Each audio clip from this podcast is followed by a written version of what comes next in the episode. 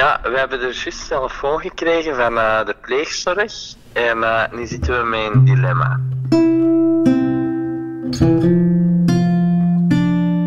Als er iets is wat ik niet zag aankomen, was het dit wel. Ja, er is dus een match gevonden voor ons. Wat? huh? Maar is, hoe komt ja, dat? maar wacht, wacht. We moeten tegen de vrijdag hè, laten weten of dat we het gaan doen of niet. Maar dat, dat is overmorgen al. Ja, inderdaad. Stonden jullie terug op de lijst? Ze hebben zich opnieuw opengesteld voor pleegzorg. En niemand wist hiervan. We moeten dat, dat kindje is al geboren en we moeten nu beslissen of dat we dat, allee, of dat die naar ons komt of niet, of dat wij die uh, gaan aannemen en ja, ja, spannend. Amai. Twee dagen bedenktijd hebben ze.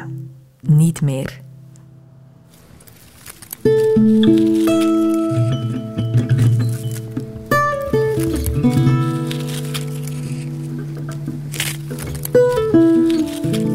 Je luistert naar Nest, een podcast van Radio 1 over pleegzorg. In een van mijn oude fotoalbums hangt een krantenartikeltje met kleine Shani wordt gedoopt in de kapel van de gevangenis van Hasselt. En ik denk dat dat ongeveer heel mooi schetst um, hoe dat mijn leven eruit zou zien zonder pleegzorg. Je hoort hier Shauni. Ze is 26 jaar, houdt van de zon, is heel reflectief en haar voortotem bij de scouts is dartelen. Een woord dat haar goed omschrijft. Wanneer ik haar opzoek, zetten we ons in haar kleine stadstuin. Want ze is een zonnekind, zegt ze. Toen Shawnee pas geboren werd, lagen haar kansen niet zo mooi. Mijn mama en papa zijn getrouwd, ook in de gevangenis, vermoed ik, aan de foto's te zien, toen mijn mama van mij zwanger was. En die zijn ook uit elkaar gegaan toen ik twee was of zo. Um, dus ja, ik denk dat mijn papa heeft heel mijn leven lang in de gevangenis gezeten, heel mijn jeugd. En ja, mijn mama heeft wel altijd gewerkt bij de post, maar die heeft soms wat moeilijkheden met voor zichzelf zorgen. Um, dat is met hele grote ups en downs dat die haar uh, emoties gaan. En dat merk je ook als wij met elkaar omgaan, dat dat ook echt met, met hele grote ups en downs is, hoe dat hij daar uh, rond reageert. Wanneer haar moeder moest werken, verbleef Shawnee bij Mieke, haar onthaalmoeder. Ze verbleef dus in een huis vol baby's, peuters en speelgoed. Daar is ze uiteindelijk haar hele jeugd blijven wonen. Ze kwam na een tijdje in pleegzorg terecht en Mieke werd haar pleegzorger. Ons Mieke is alleen, dus um, we hebben gewoon een rijhuisje in Zandvliet, um, een dorpje. Um, ja, wij zijn met vijf, dus ik heb drie broers en één zus, pleegzus dan. En ja, dat betekent dat het gewoon heel druk is, altijd. Maar ik vind het wel echt super gezellig bij ons thuis, altijd. Dus zo dat warmtegevoel uh, heb ik wel heel hard meegekregen. Als je bij ons Mieke binnenkomt, dan uh, staat het speelgoed overal. Want hij is onthaalhouder, dus uh, het overal speelgoed staan. Wij hadden elke maandag aten wij spaghetti. Elke week maandag aten wij spaghetti. Um, en we gingen ook wel heel vaak naar het frituur. Dus dat was leuk voor mij, want ik ben verzot op frietjes. Wat een geluk dat Shawnee daar terecht kon. Dat ze daar de plek vond die haar later een dartel en geëngageerd mens zou maken. Het doet me meteen denken aan het pleegkindje van mijn broer. En hoe blij ik ben dat hij daar is. Maar ook dat het besef van dat geluk soms vervaagt. We zijn nu één jaar en drie maanden verder en het voelt intussen allemaal zo gewoon. Hij hoort er gewoon bij, bij onze familie. Hij is er, hij speelt, hij lacht. Hij wordt heel graag voorgelezen, vooral over de beer met zijn hoed. Hij eet graag, hij slaapt goed. Hij lijkt geen zorgen te hebben, hij ontwikkelt perfect. Hij houdt van aandacht, hij houdt van ons en wij van hem. En het leven gaat door. Alles gaat heel goed en gemakkelijk eigenlijk. Lachen!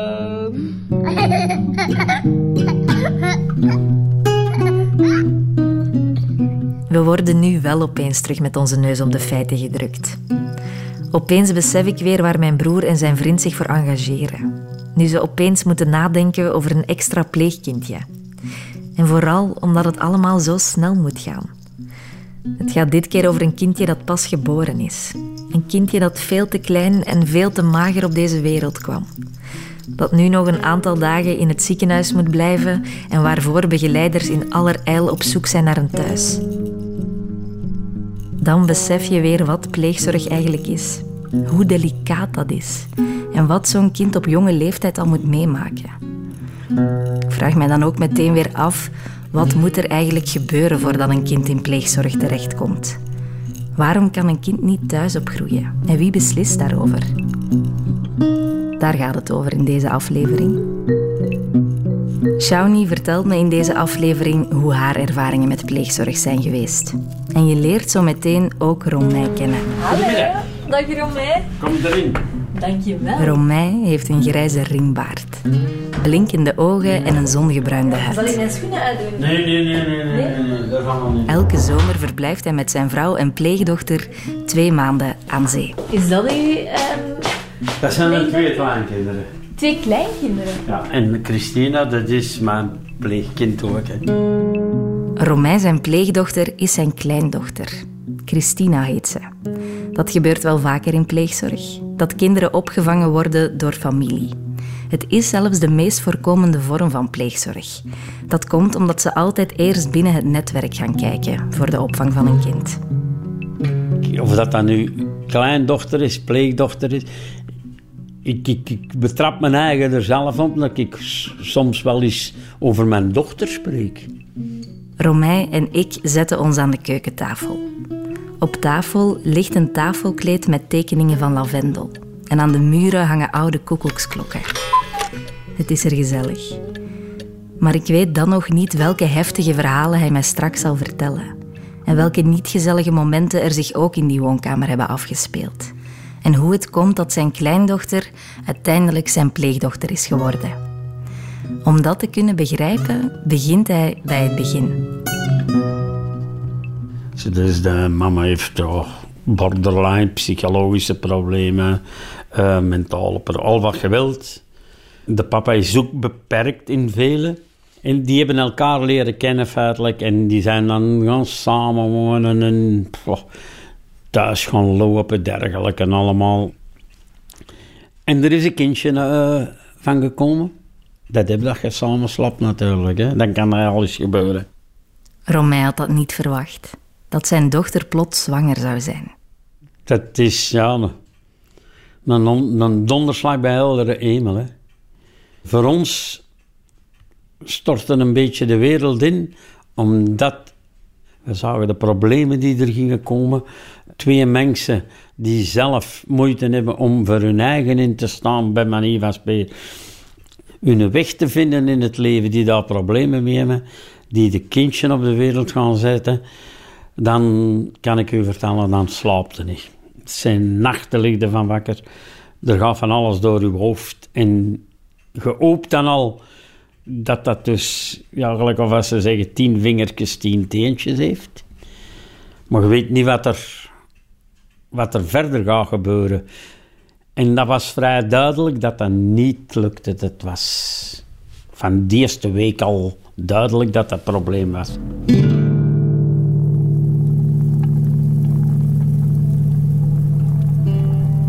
En op een koude dag zagen wij dat de mama en de papa wandelen met een buggyske met dat kind in.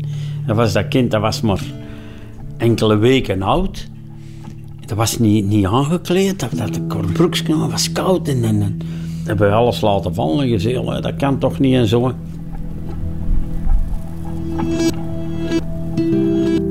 Die zijn dan bij ons hier thuisgekomen en die hadden feitelijk geen een van de twee zo het interesse om dat kind. Dat was, ja, dat was wel een kind, maar, maar dan voelden al dat er weinig interesse was. Dan die periode eh, was er dan eens een feestje. Dan is er een ruzie ontstaan. Dan die een bewuste avond van die ruzie is eh, de dochter gaan lopen. De biologische papa, ja, die had dan dat kind meegenomen. En dan hebben wij eh, gezegd van, dit kan niet verder, die moet een oplossing gezocht worden. Vanaf dan komt Christina bij hen wonen. Onofficieel nog, in onderling overleg. Van pleegzorg is er nog geen sprake. Maar in de maanden en jaren die volgen blijven de problemen zich opstapelen. Op een moment is, uh, is mijn dochter gecolloqueerd geweest door mensen van, van begeleid wonen. Zij woonden dan op een studio. En dan de ambulance, en dat is, dat is een heel iets. Dat is echt... Dat is nogal heftig toch, zo'n collocatie. De dochter van Romein komt in de psychiatrie terecht. Daar zou ze later meermaals binnen en buiten gaan. Dan is zij daar gaan lopen. In de psychiatrie heeft zij iemand leren kennen. Die zijn gaan lopen. En die psycholoog, denk ik, die zegt tegen mij... Ja, meneer, wij gaan die niet zoeken. Want die, ergens heeft hij niks misdaan.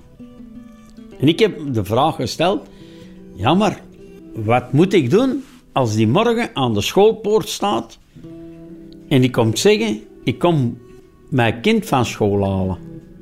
Ik wetende dat zij voor dat kind niet zou kunnen zorgen. En toen kreeg ik het antwoord van: je mag dat kind nooit alleen laten met die twee. Wat moet ik dan doen? Hebben ze gezegd: dan moeten de politie bellen.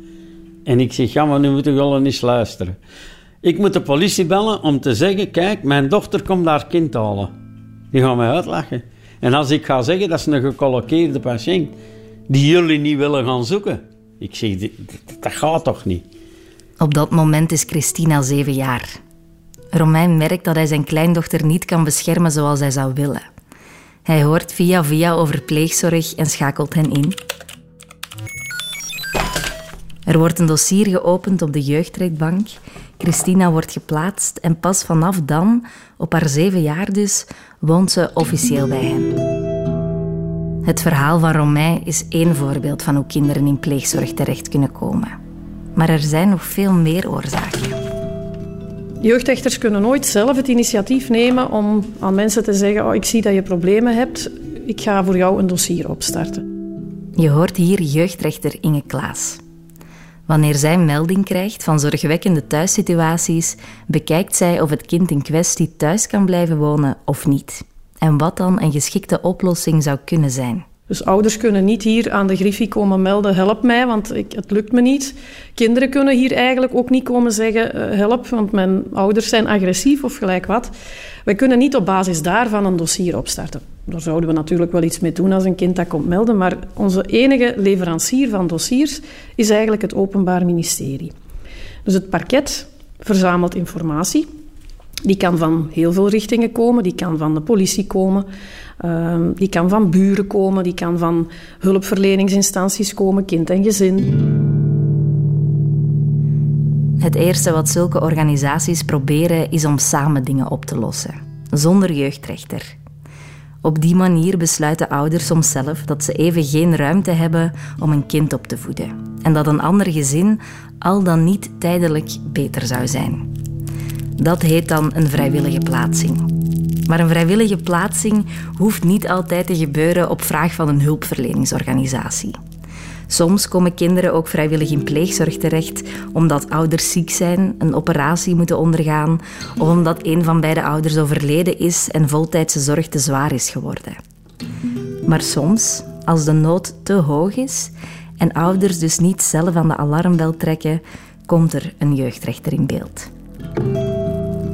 Ja, uit het leven gegrepen. Beide ouders worden opgepakt in het kader van een strafonderzoek. En er zijn jonge kinderen thuis.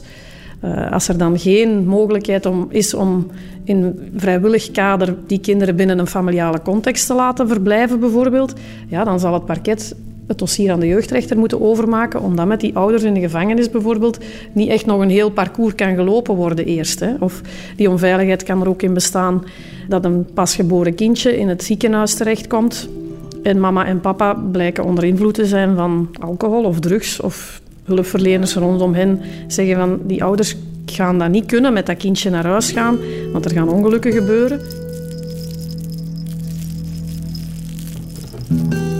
Ik heb natuurlijk af en toe ook wel eens familiedrama's waar een van de beide ouders het leven gelaten heeft en de andere in de gevangenis terechtkomt. Ja, dat zijn ook heel acute situaties waar er voor een kind gezorgd moet worden. En als dat niet kan in een vrijwillig kader, dan gaat eh, het parket ook in dat soort van dossiers vragen dat de jeugdrechter uh, een onmiddellijke beslissing neemt. De jeugdrechter vertelt me over familiedrama's en over kinderen die geplaatst worden door buitensporig druggebruik op een manier alsof dat geen uitzonderingen zijn. Het klinkt misschien naïef, maar ik kan mij bijna niet voorstellen dat zulke dingen gebeuren en dat daar dan kinderen wonen. Tijdens mijn gesprek met de jeugdrechter besef ik steeds meer dat kinderen via de rechtbank echt niet zomaar geplaatst worden. Er moet al heel wat gebeuren voor het zover is. Er zijn af en toe wel dossiers die je wat meer beklijven dan anderen. Hè? Zeker als het over hele kleine kinderen gaat en, en er is fysieke agressie mee gemoeid geweest, ja, dan, dan doet je dat wel iets. En op, op zo'n momenten is het ook misschien dan geruststellend hè, dat je zo'n ingrijpende keuze moet maken, maar dat je dat niet zomaar doet, dat je dat echt doet om een kind te beschermen. Maar is het dan al niet te laat? Vraag ik mij af. Waar ligt de grens eigenlijk? Wanneer is een thuissituatie officieel te erg? Het gaat toch om kinderen die alle kansen moeten krijgen, die op zo'n jonge leeftijd nog geen zorgen zouden mogen hebben, die in gevangenis niet van dichtbij moeten zien, geen geweld moeten meemaken, moeten spelen, eten krijgen, voorgelezen worden, gestimuleerd worden en geknuffeld. Mensen moeten de kans krijgen om zich te herpakken en kinderen moeten de kans krijgen om, als het enigszins kan, thuis op te groeien. En het hoeft thuis niet perfect te zijn, hè, want dat, daar streven we hier op de jeugdrechtbank echt niet naar, hè, naar perfecte gezinnen.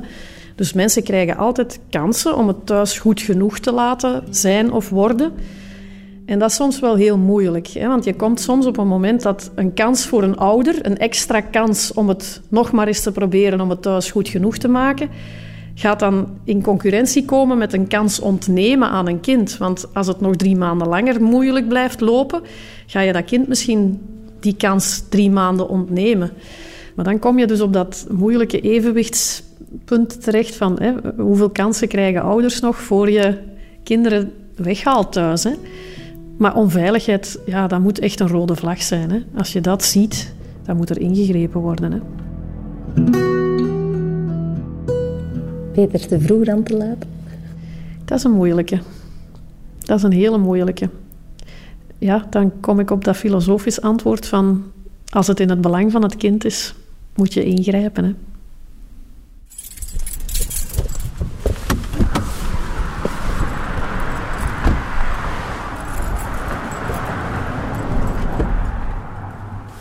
Het is vrijdag.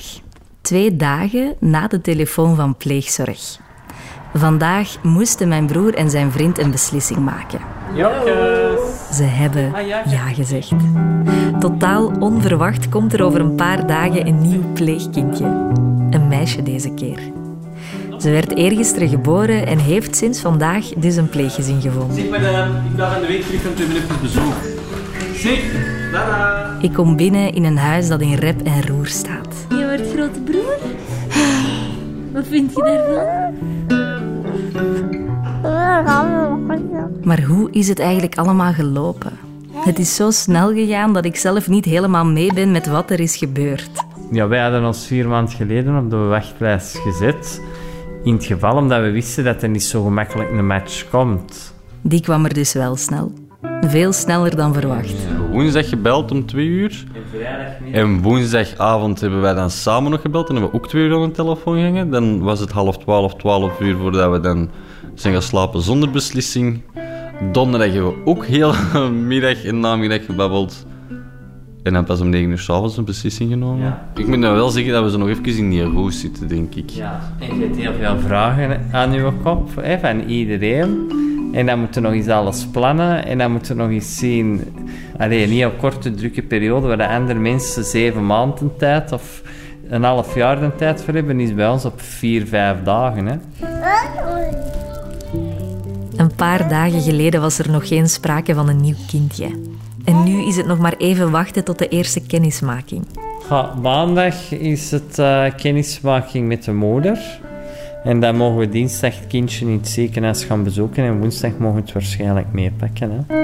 En dan komt ze dus naar hier. Het is opnieuw een langdurige pleegplaatsing. Hoe lang en hoe vaker contact zal zijn met de moeder is nog niet duidelijk.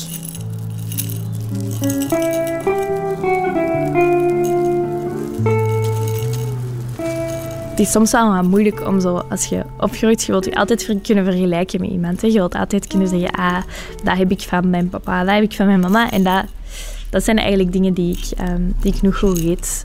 Je hoort hier opnieuw Shawnee. Zij vertelt me welke impact pleegzorg op haar heeft gehad. Als kind, peuter en ook nu. Zelfs nu soms kan ik nog zo bijvoorbeeld, ik was bij mijn jongste broer gaan schilderen en we waren iets aan het eten of zo. En die zei, je zei toch eigenlijk al een kleine verschilde? En dan dacht ik, ja, ja maar ook, uh, dat is inderdaad een heel groot deel is opvoeding, maar het is, soms is dat wel heel hard zoeken van, oké, wie, wie ben ik nu eigenlijk? Want je, je hebt eigenlijk twee mensen in je leven waar je normaal gezien heel veel op zou moeten lijken en waar dat je zo dezelfde normen en waarden hebt. En bij mij is dat dus totaal niet, dus dat is wel een heel groot verschil. Wat Shawnee een van de meest vervelende dingen vindt, is de onbekendheid die er heerst rond pleegzorg. Veel mensen weten niet wat het is en vragen keer op keer om haar verhaal te doen. En ik nu ook nog eens. Sorry. Ja, het is heel moeilijk om uit te leggen waarom dat je in pleegzorg zit. Ja, omdat mijn ouders niet voor mij kunnen zorgen. Dat zeg ik dan altijd. Het is een heel diplomatisch antwoord. Maar de meeste mensen willen wel weten waarom. Maar ja, je gaat niet aan Jan allemaal vertellen dat je papa in de gevangenis zit of dat, of dat je mama gewoon echt niet al heel moeilijk voor zichzelf kan zorgen. Ik denk dat dat echt al heel moeilijk is om, om daar constant mee geconfronteerd te worden. En ja, de vergelijking met adoptie, hè, dat, dat is immens. Dus heel veel mensen denken dat ik mijn ouders niet meer zie. Terwijl dat net het grootste verschil is. Hè, dat je echt wel die ouderbetrokkenheid wel heel hard hebt in pleegzorg. Buitenstaanders hebben veel vragen over pleegzorg. Maar een kind zelf ook.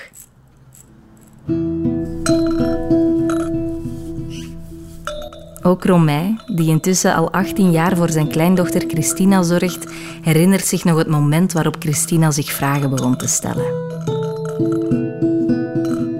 Als ik me herinner, zal zij ooit wel eens gezegd hebben van... Wat mankeert mijn mama en mijn papa werkelijk? Wat, wat? Want die waren dan ziek, noemden wij dat dan. En op een moment heeft zij wel gevraagd van... Ja, wat, hoe, welk? Welke ziekte, wat hebben die feitelijk? En dan zijn we dat gaan uitleggen, maar dat is niet gemakkelijk geweest.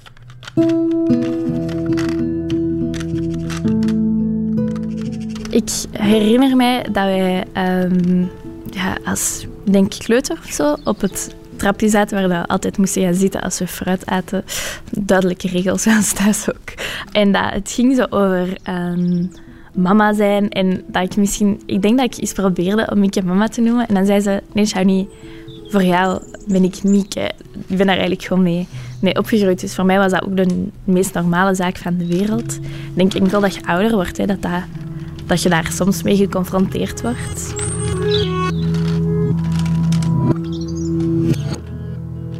Ik denk bijvoorbeeld aan mijn uh, communie of zo. Dan, ja, normaal staat je met mama en je papa. En nu stond ik met, uh, met ons Mieke, denk ik, en mijn mama. Of zelfs met ons Mieke mijn meter, ik weet het niet meer hoe.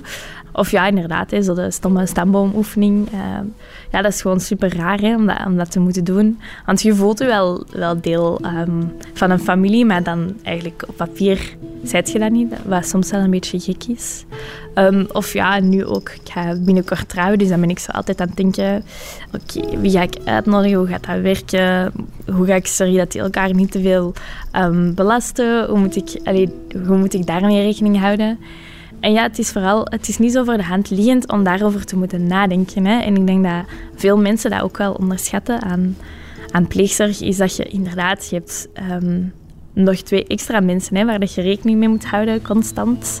Um, en dat vraagt soms ook wel veel van een kind um, om dat te doen. Shawnee is blij dat ze nog contact heeft met haar moeder. Momenteel zien ze elkaar om de drie maanden, drie uur. Vroeger was dat vaker, maar met ouder worden is het geminderd. En het moet ook niet meer zijn voor Shawnee. Ik zie mijn mama wel graag, ehm, maar ik denk dat het ehm, kort en krachtig moet zijn ehm, als het over mijn mama gaat. Ik merk ook wel dat mijn mama veel meer nood heeft aan mij zien dan ik aan mijn mama zien. En dat is soms wel wat moeilijk. Dus nu heb ik geleerd om dat heel mooi af te blokken eigenlijk. Dat is hard om te doen, maar ja, dat, dat, is mijn mama. Ik kan, kan niet gewoon zeggen, ah, die neemt heel veel energie van mij. Ik ga die uit mijn leven zetten, want dat, dat gaat niet. Daar, uh, je voelt je daar ook super verbonden mee. Hè? Dus ondanks dat hij je niet heeft opgevoed, voelt je wel heel hard zo die... Um, ja, wat is dat, die band wel? En, en wilt je die niet kwetsen en wilt je ook dat hij je heel graag ziet en heel trots op je is? Dat is echt een heel moeilijke balans, vind ik. Ook Romei kent het voortdurend schipperen tussen de emoties van verschillende partijen. Hij zorgt voor het kind van zijn dochter en die hebben tot grote spijt van Romei weinig contact met elkaar.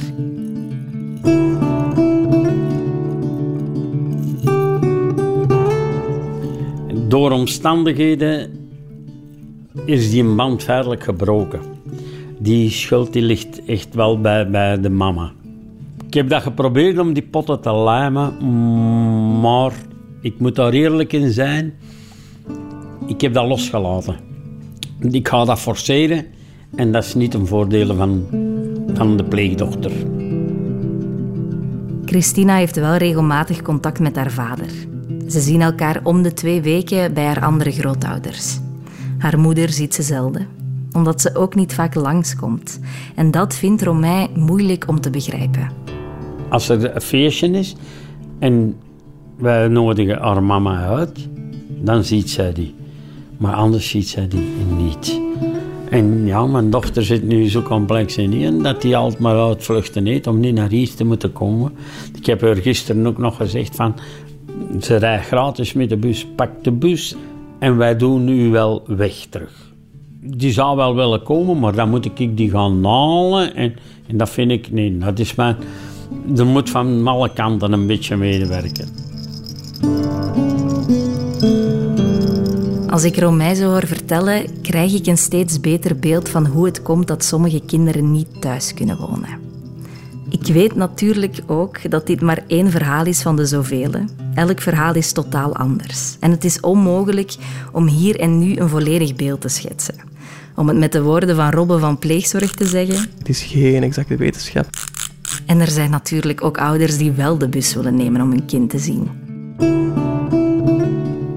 Dat, die, dat, dat de breuk dat die terughersteld wordt. Een goede mand, dat gaat er nooit niet zijn. Dat, dat is er ook nooit niet geweest. Zij kent haar mama en wel van, dat is mijn mama.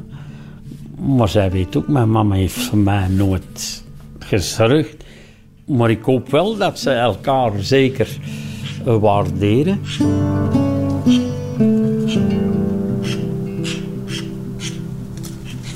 Zet je soms boos geweest? Eh, meermaals, denk ik. Ehm, soms komen er ook wel um, verwijten van bijvoorbeeld... Je wilt me niet graag zien, of zet je boos op mij, of whatever. Um, omdat je even niet antwoordt op mijn berichtje of zo. En dan denk ik wel, alleen man, laat het gewoon los besef dat ik ook mijn leven heb, ook mijn vrienden heb, ook mijn werk heb, ook mijn andere familie heb. Dus ze, wil zichzelf vaak in het middelpunt van de belangstelling zetten of zo, wat het voor mij heel moeilijk maakt. Maar hetgene wat mij helpt om daarmee om te gaan, is zo ook wel wat weten dat haar jeugd ook niet zo easy was en dat ze misschien gewoon nooit heeft geleerd hoe het is om zo die rekening te houden met anderen, terwijl ik daar wel heel hard mee ben opgevoed. Met doe dingen voor, u, voor uw maatschappij. Ehm, als er iets mis is in uw leven, neem dan zelf stappen om, om beter te worden. En ik weet dat dat zeker niet op elk vlak kan. Maar ik denk wel dat ik zo ver ben gekomen als nu door ja, hard te werken ook. En ik denk dat zij dat soms ook, ook niet beseft en soms zelfs een beetje jaloers is op waar ik nu sta, wat echt niet de juiste houding is voor een mama ik kan dat uitzetten omdat ik weet, het is mijn mama. Um, nou ja, dat is, dat is niet altijd gemakkelijk. Hè. Soms wordt het gewoon uh, goed gedaan of een, ik ben trots op je of whatever. En dat gebeurt wel, maar dan zit er altijd nog een, ach- een achterliggend ding onder of, of nog iets extra. Of, dus dat is soms wel wat moeilijk. Dus deze sokjes. Mijn broer laat me een paar babykleren zien. Zie je al dat broekje en dan dat bodyke daar? Ik denk dat het andersom is. Ik ben op bezoek om te helpen met de laatste voorbereidingen. Dat is super mooi. Ja, dat is nu echt niet roosroze. Er moeten nog heel wat dingen in orde gebracht worden. Waaronder het ontwerpen van een welkomstkaartje, het klaarmaken van een extra kinderkamer en het uitkiezen van kleren. Ja, dat zijn gewoon gemakkelijke dingen. Hè. Je moet ook denken Het is gezellig. En wanneer we al even bezig zijn, valt er plots een vriendin van mijn broer binnen met haar twee kinderen. Hey. Zij is ook naar de winkel geweest en heeft nog wat oude mini-babykleren mee die mijn broer mag gebruiken. Moet je zien wat je kunt gebruiken. Het voelt even alsof heel het dorp in rep en roer staat en er alles aan doet om de baby binnenkort gepast te verwelkomen. Deze, dat heb ik ook mee. Het is druk in het huis van mijn broer en zijn vriend, maar ook in hun hoofd. Ja, ik heb zoveel... Echt waar, ja, ik heb zoveel indrukken gehad. Ik heb vanmorgen moeten werken. Allee, ja, niet dat dat erg is. Maar ik ben zo... Ik had een super drukke tour. Dan direct die kleren gaan halen. Dan heb ik heel een tijd telefoons gedaan. De ene na de andere dat belde. Elke keer terug datzelfde verhaal. Duizenden vragen van iedereen. Dus dat is echt... Hoeveel keer heb jij vragen gedaan vandaag? Eh, als zonder te overdrijven, 50 keer. Echt waar. Ja, tegen mijn patiënten, tegen de bomma, tegen Ollenal allemaal. De mama, Michel. Dan langs uw kant, in de winkel waar, ik, waar dat ze mij kennen, waar ik regelmatig kleren ga halen. Dus ja, ik moest dat er allemaal tegen vertellen. En ja, dat is... En ja. anderen vertellen dat verspreid over negen maanden. Ik denk dat, ik denk dat wel. En dat dat zo... Normaal wacht ook het goede moment af, hè. En ver- vertel dat tegen de ene al eens wat an, en een andere keer dan tegen de andere, snap je? Maar nu moest er allemaal vandaag precies wat gebeuren. Jij gaat goed slapen. Ik kan heel goed slapen. En jij ook. Ik ook, ja. En morgen begint er terug een nieuwe dag met terug allemaal indrukken. En maandag waarschijnlijk ook, want dan kan ik het aan 50 man op het werk gaan zeggen. Crazy. Heavy. Ik ga eens even kijken naar mijn wasmachine. Moet je dat geluid van mijn wasmachine hebben? Ah wel, ja, ik kom mee, ze. Ik hoorde dat er juist precies van. Ik weet. En hoe lang Het moet het nog nog niet klaar. Nog een kwartiertje. Ah nee, dan gaan we nog eens de vloer kussen. Nog even de vloer de was uithalen en dan komt er opnieuw een pasgeboren baby. We kijken er naar uit. Maar het zal een grote aanpassing zijn, zowel voor hen als voor haar.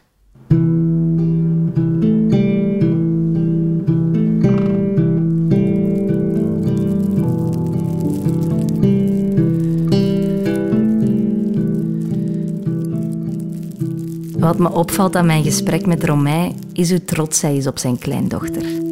Elke keer als hij over haar begint, dan straalt hij. Zijn ogen glinsteren, zijn gebruinde huid glanst dan nog meer. De lavendel op het tafelkleed lijkt dan spontaan te beginnen geuren en de koekoeksklokken te luiden. Iedereen mag weten hoe fantastisch ze is. Wel, mijn pleegdochter is een, een heel intelligent kind. Raar, maar waar. Maar dat is, dat is ongelooflijk. Die is veel volwassener dan, dan iemand zou moeten zijn op die leeftijd. En die gaat daar heel goed mee om. Als haar mama hier niet is, dan maakt hij daar ook geen probleem van. Dat haar papa er dan ook niet bij is, maakt hij dan ook geen probleem. Want die begrijpt die situatie heel goed. Heel goed.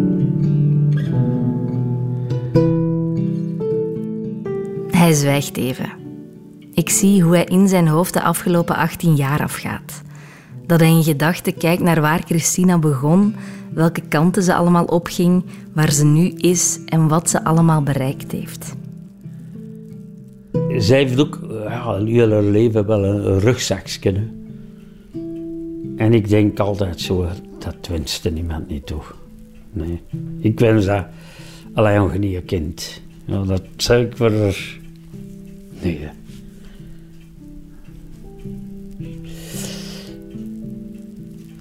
En Christina is, ja, een crème. Er zijn veel mensen die zeggen, ja, dankzij u, eh, dankzij jullie, eh, is ze zover. Maar, maar ik denk dat de, de- het grootste resultaat van, voor haar is, zij zelf is.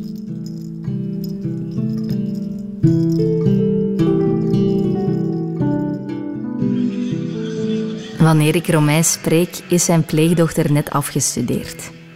Vol trots laat hij me wat filmpjes van het schoolbal zien. Oh, dat is de openingsdans, hè. Let op. Hier, Sivit komt hier met.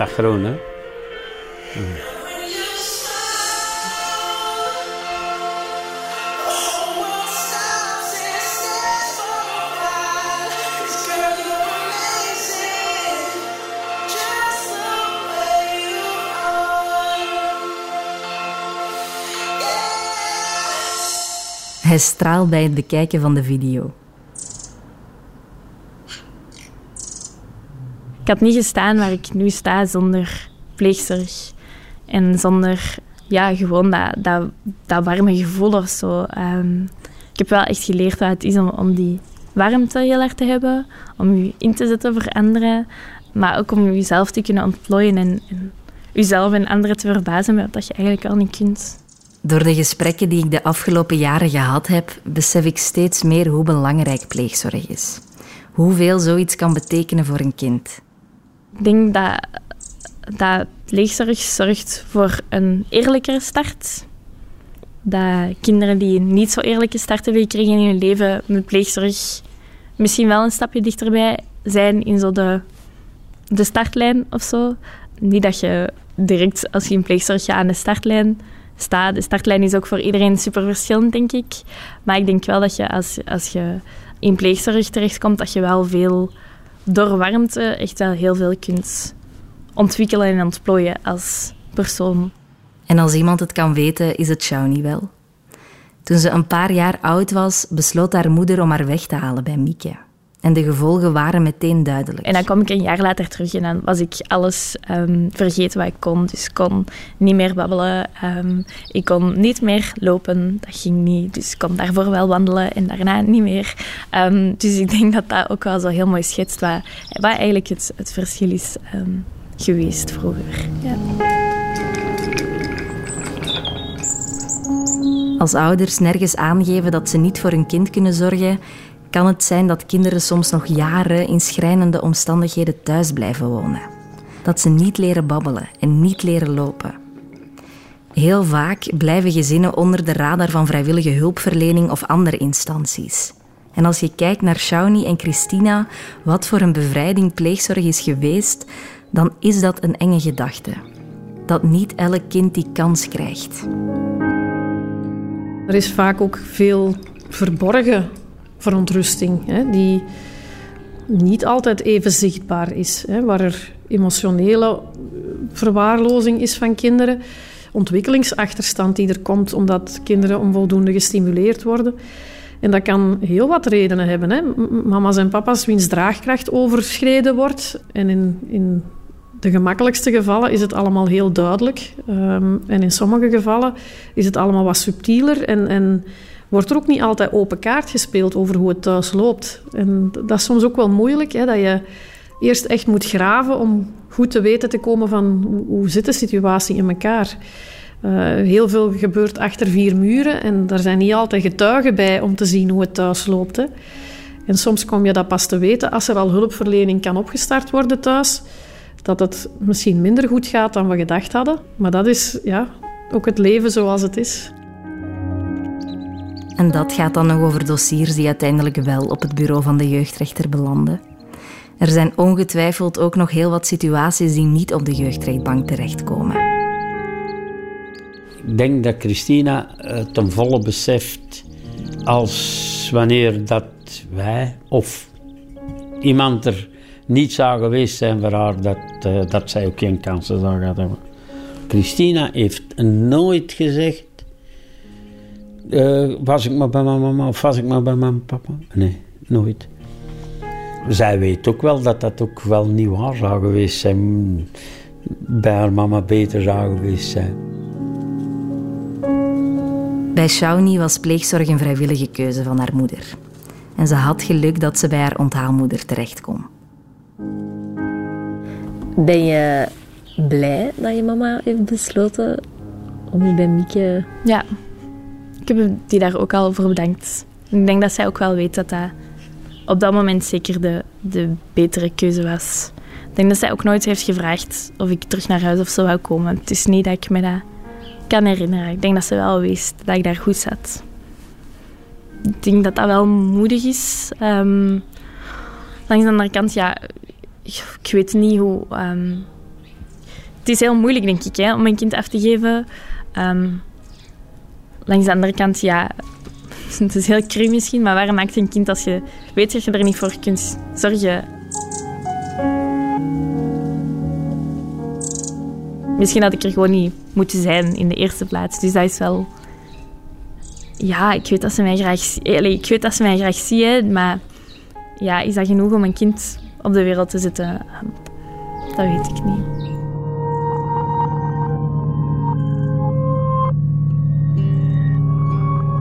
Wat als Christina niet hier terecht kon, maar wel opgegroeid was bij je dochter? Hoe, hoe was het dan gegaan?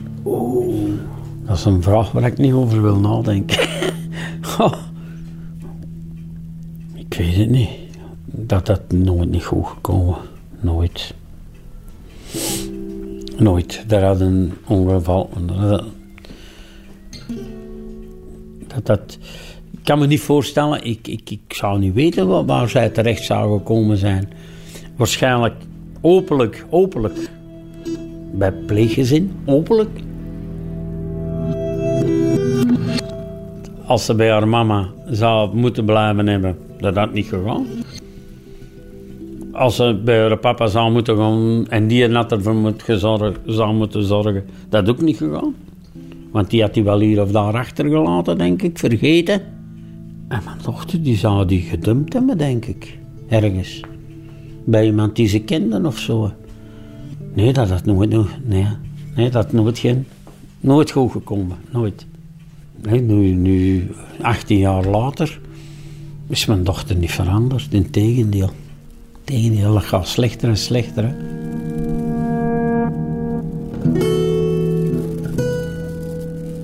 Nee, dat is niet goed gekomen. Dat niet goed gekomen.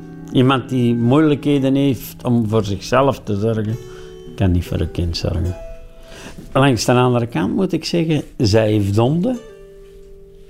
En die zijn wel goed verzorgd. Die zijn wel goed verzorgd, die, die, die, die honden. Maar voor, voor een kind, nee.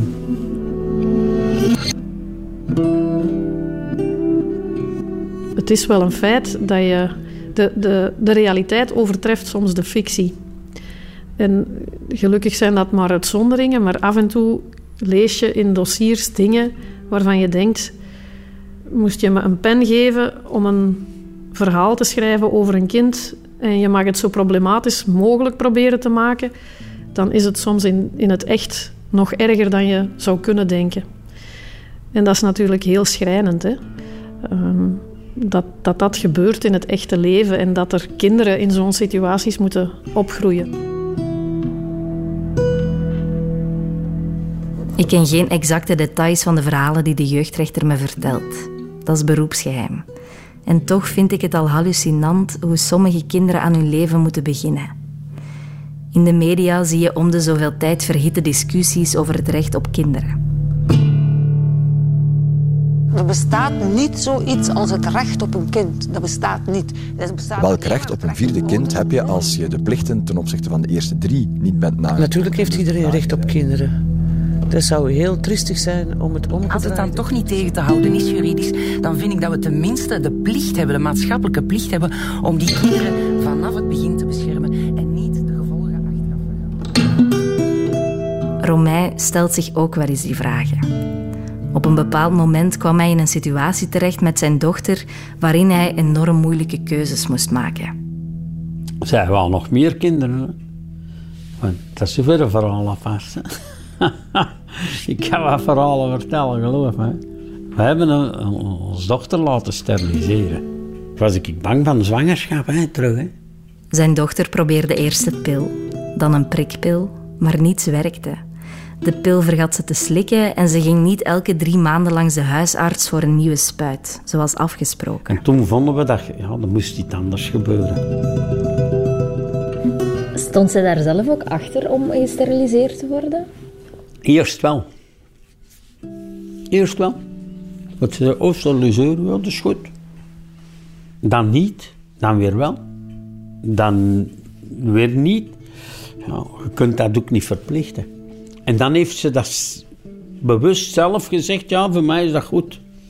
Met het achterhoofd natuurlijk, dan ben ik van alles vanaf.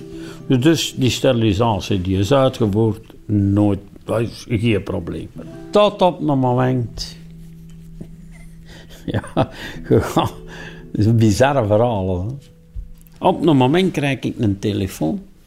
Oh, papa. En ik hoor, dat, dat klinkt zo ol. En ik zeg, waar zit jij? Ik lig in de kliniek. Ik zeg, en voor wat ga jij doen? Ah, ik word morgen geopereerd om de sterilisatie ongedaan te maken. Nu kan ik u vertellen, dan zakt de wereld onder haar voeten uit niet weg. Hè? Ik denk, dat kan niet, hè. dat kan niet. hè. De operatie is uiteindelijk niet doorgegaan.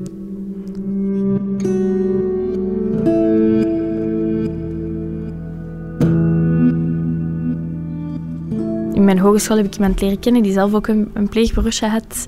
Die jongen kwam uit een gezin van zeven kinderen, die bijna allemaal uit huis zijn geplaatst. En toch werd er nog een nieuw kind gemaakt.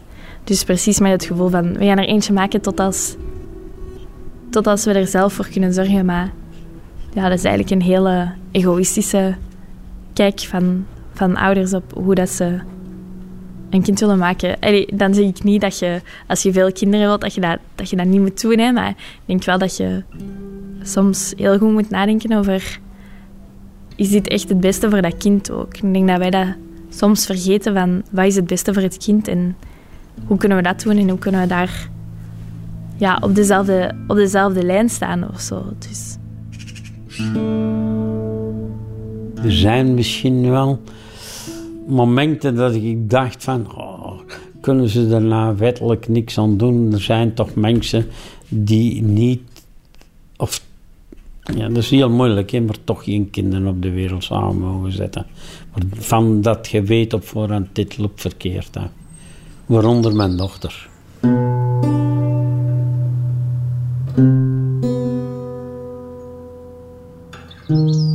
Ik ben blij dat ik er ben hoor. Ehm, maar ja, in de eerste plaats denk ik dat dat wel, wel beter was geweest voor mijn mama, denk ik, als ik er niet was geweest. Maar ja, dat, je, kunt dat toch, je kunt dat toch niet veranderen. Hè? Dus je bent er nu en, dat is oké, maar ik had al twee broers die geplaatst werden. Moest er dan echt een derde kind komen? Ja, misschien had dat gecheckt kunnen worden of zo, maar ja, ethische kwesties het is, echt een, het is echt een hele moeilijke op dat vlak. Ja, het is wel reden tot, tot nadenken, denk ik.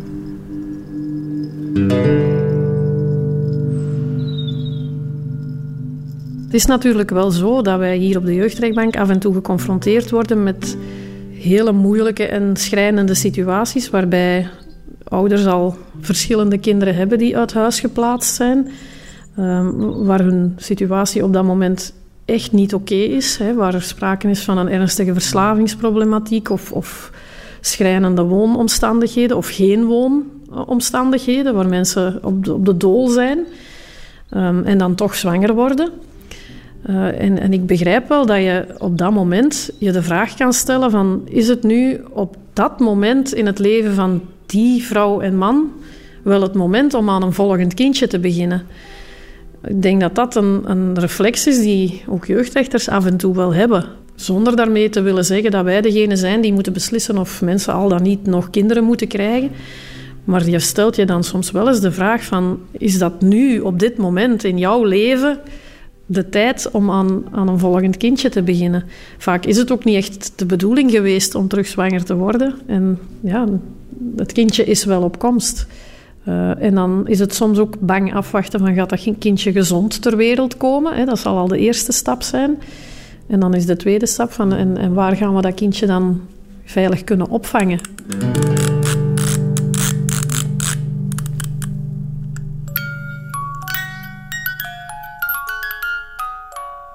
Het is woensdag en ik krijg een sms. Mijn broer stuurt me een filmpje door.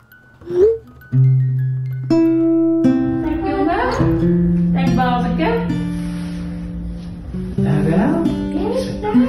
Je ziet hoe hij met een baby in zijn armen staat. Mijn bomma is op bezoek en zijn vriend komt net thuis met hun eerste pleegkindje. Welk is dat? Oh, zijn babytje. Zeg jongen. Je ziet de eerste ontmoeting tussen pleegbroer en pleegzus. Hij kijkt wat verdwaasd. Hij begrijpt nog niet goed wat die nieuwe baby in huis doet. Maar hij zal er maar beter snel aan wennen. Want dat is hoe het de komende jaren misschien zal zijn.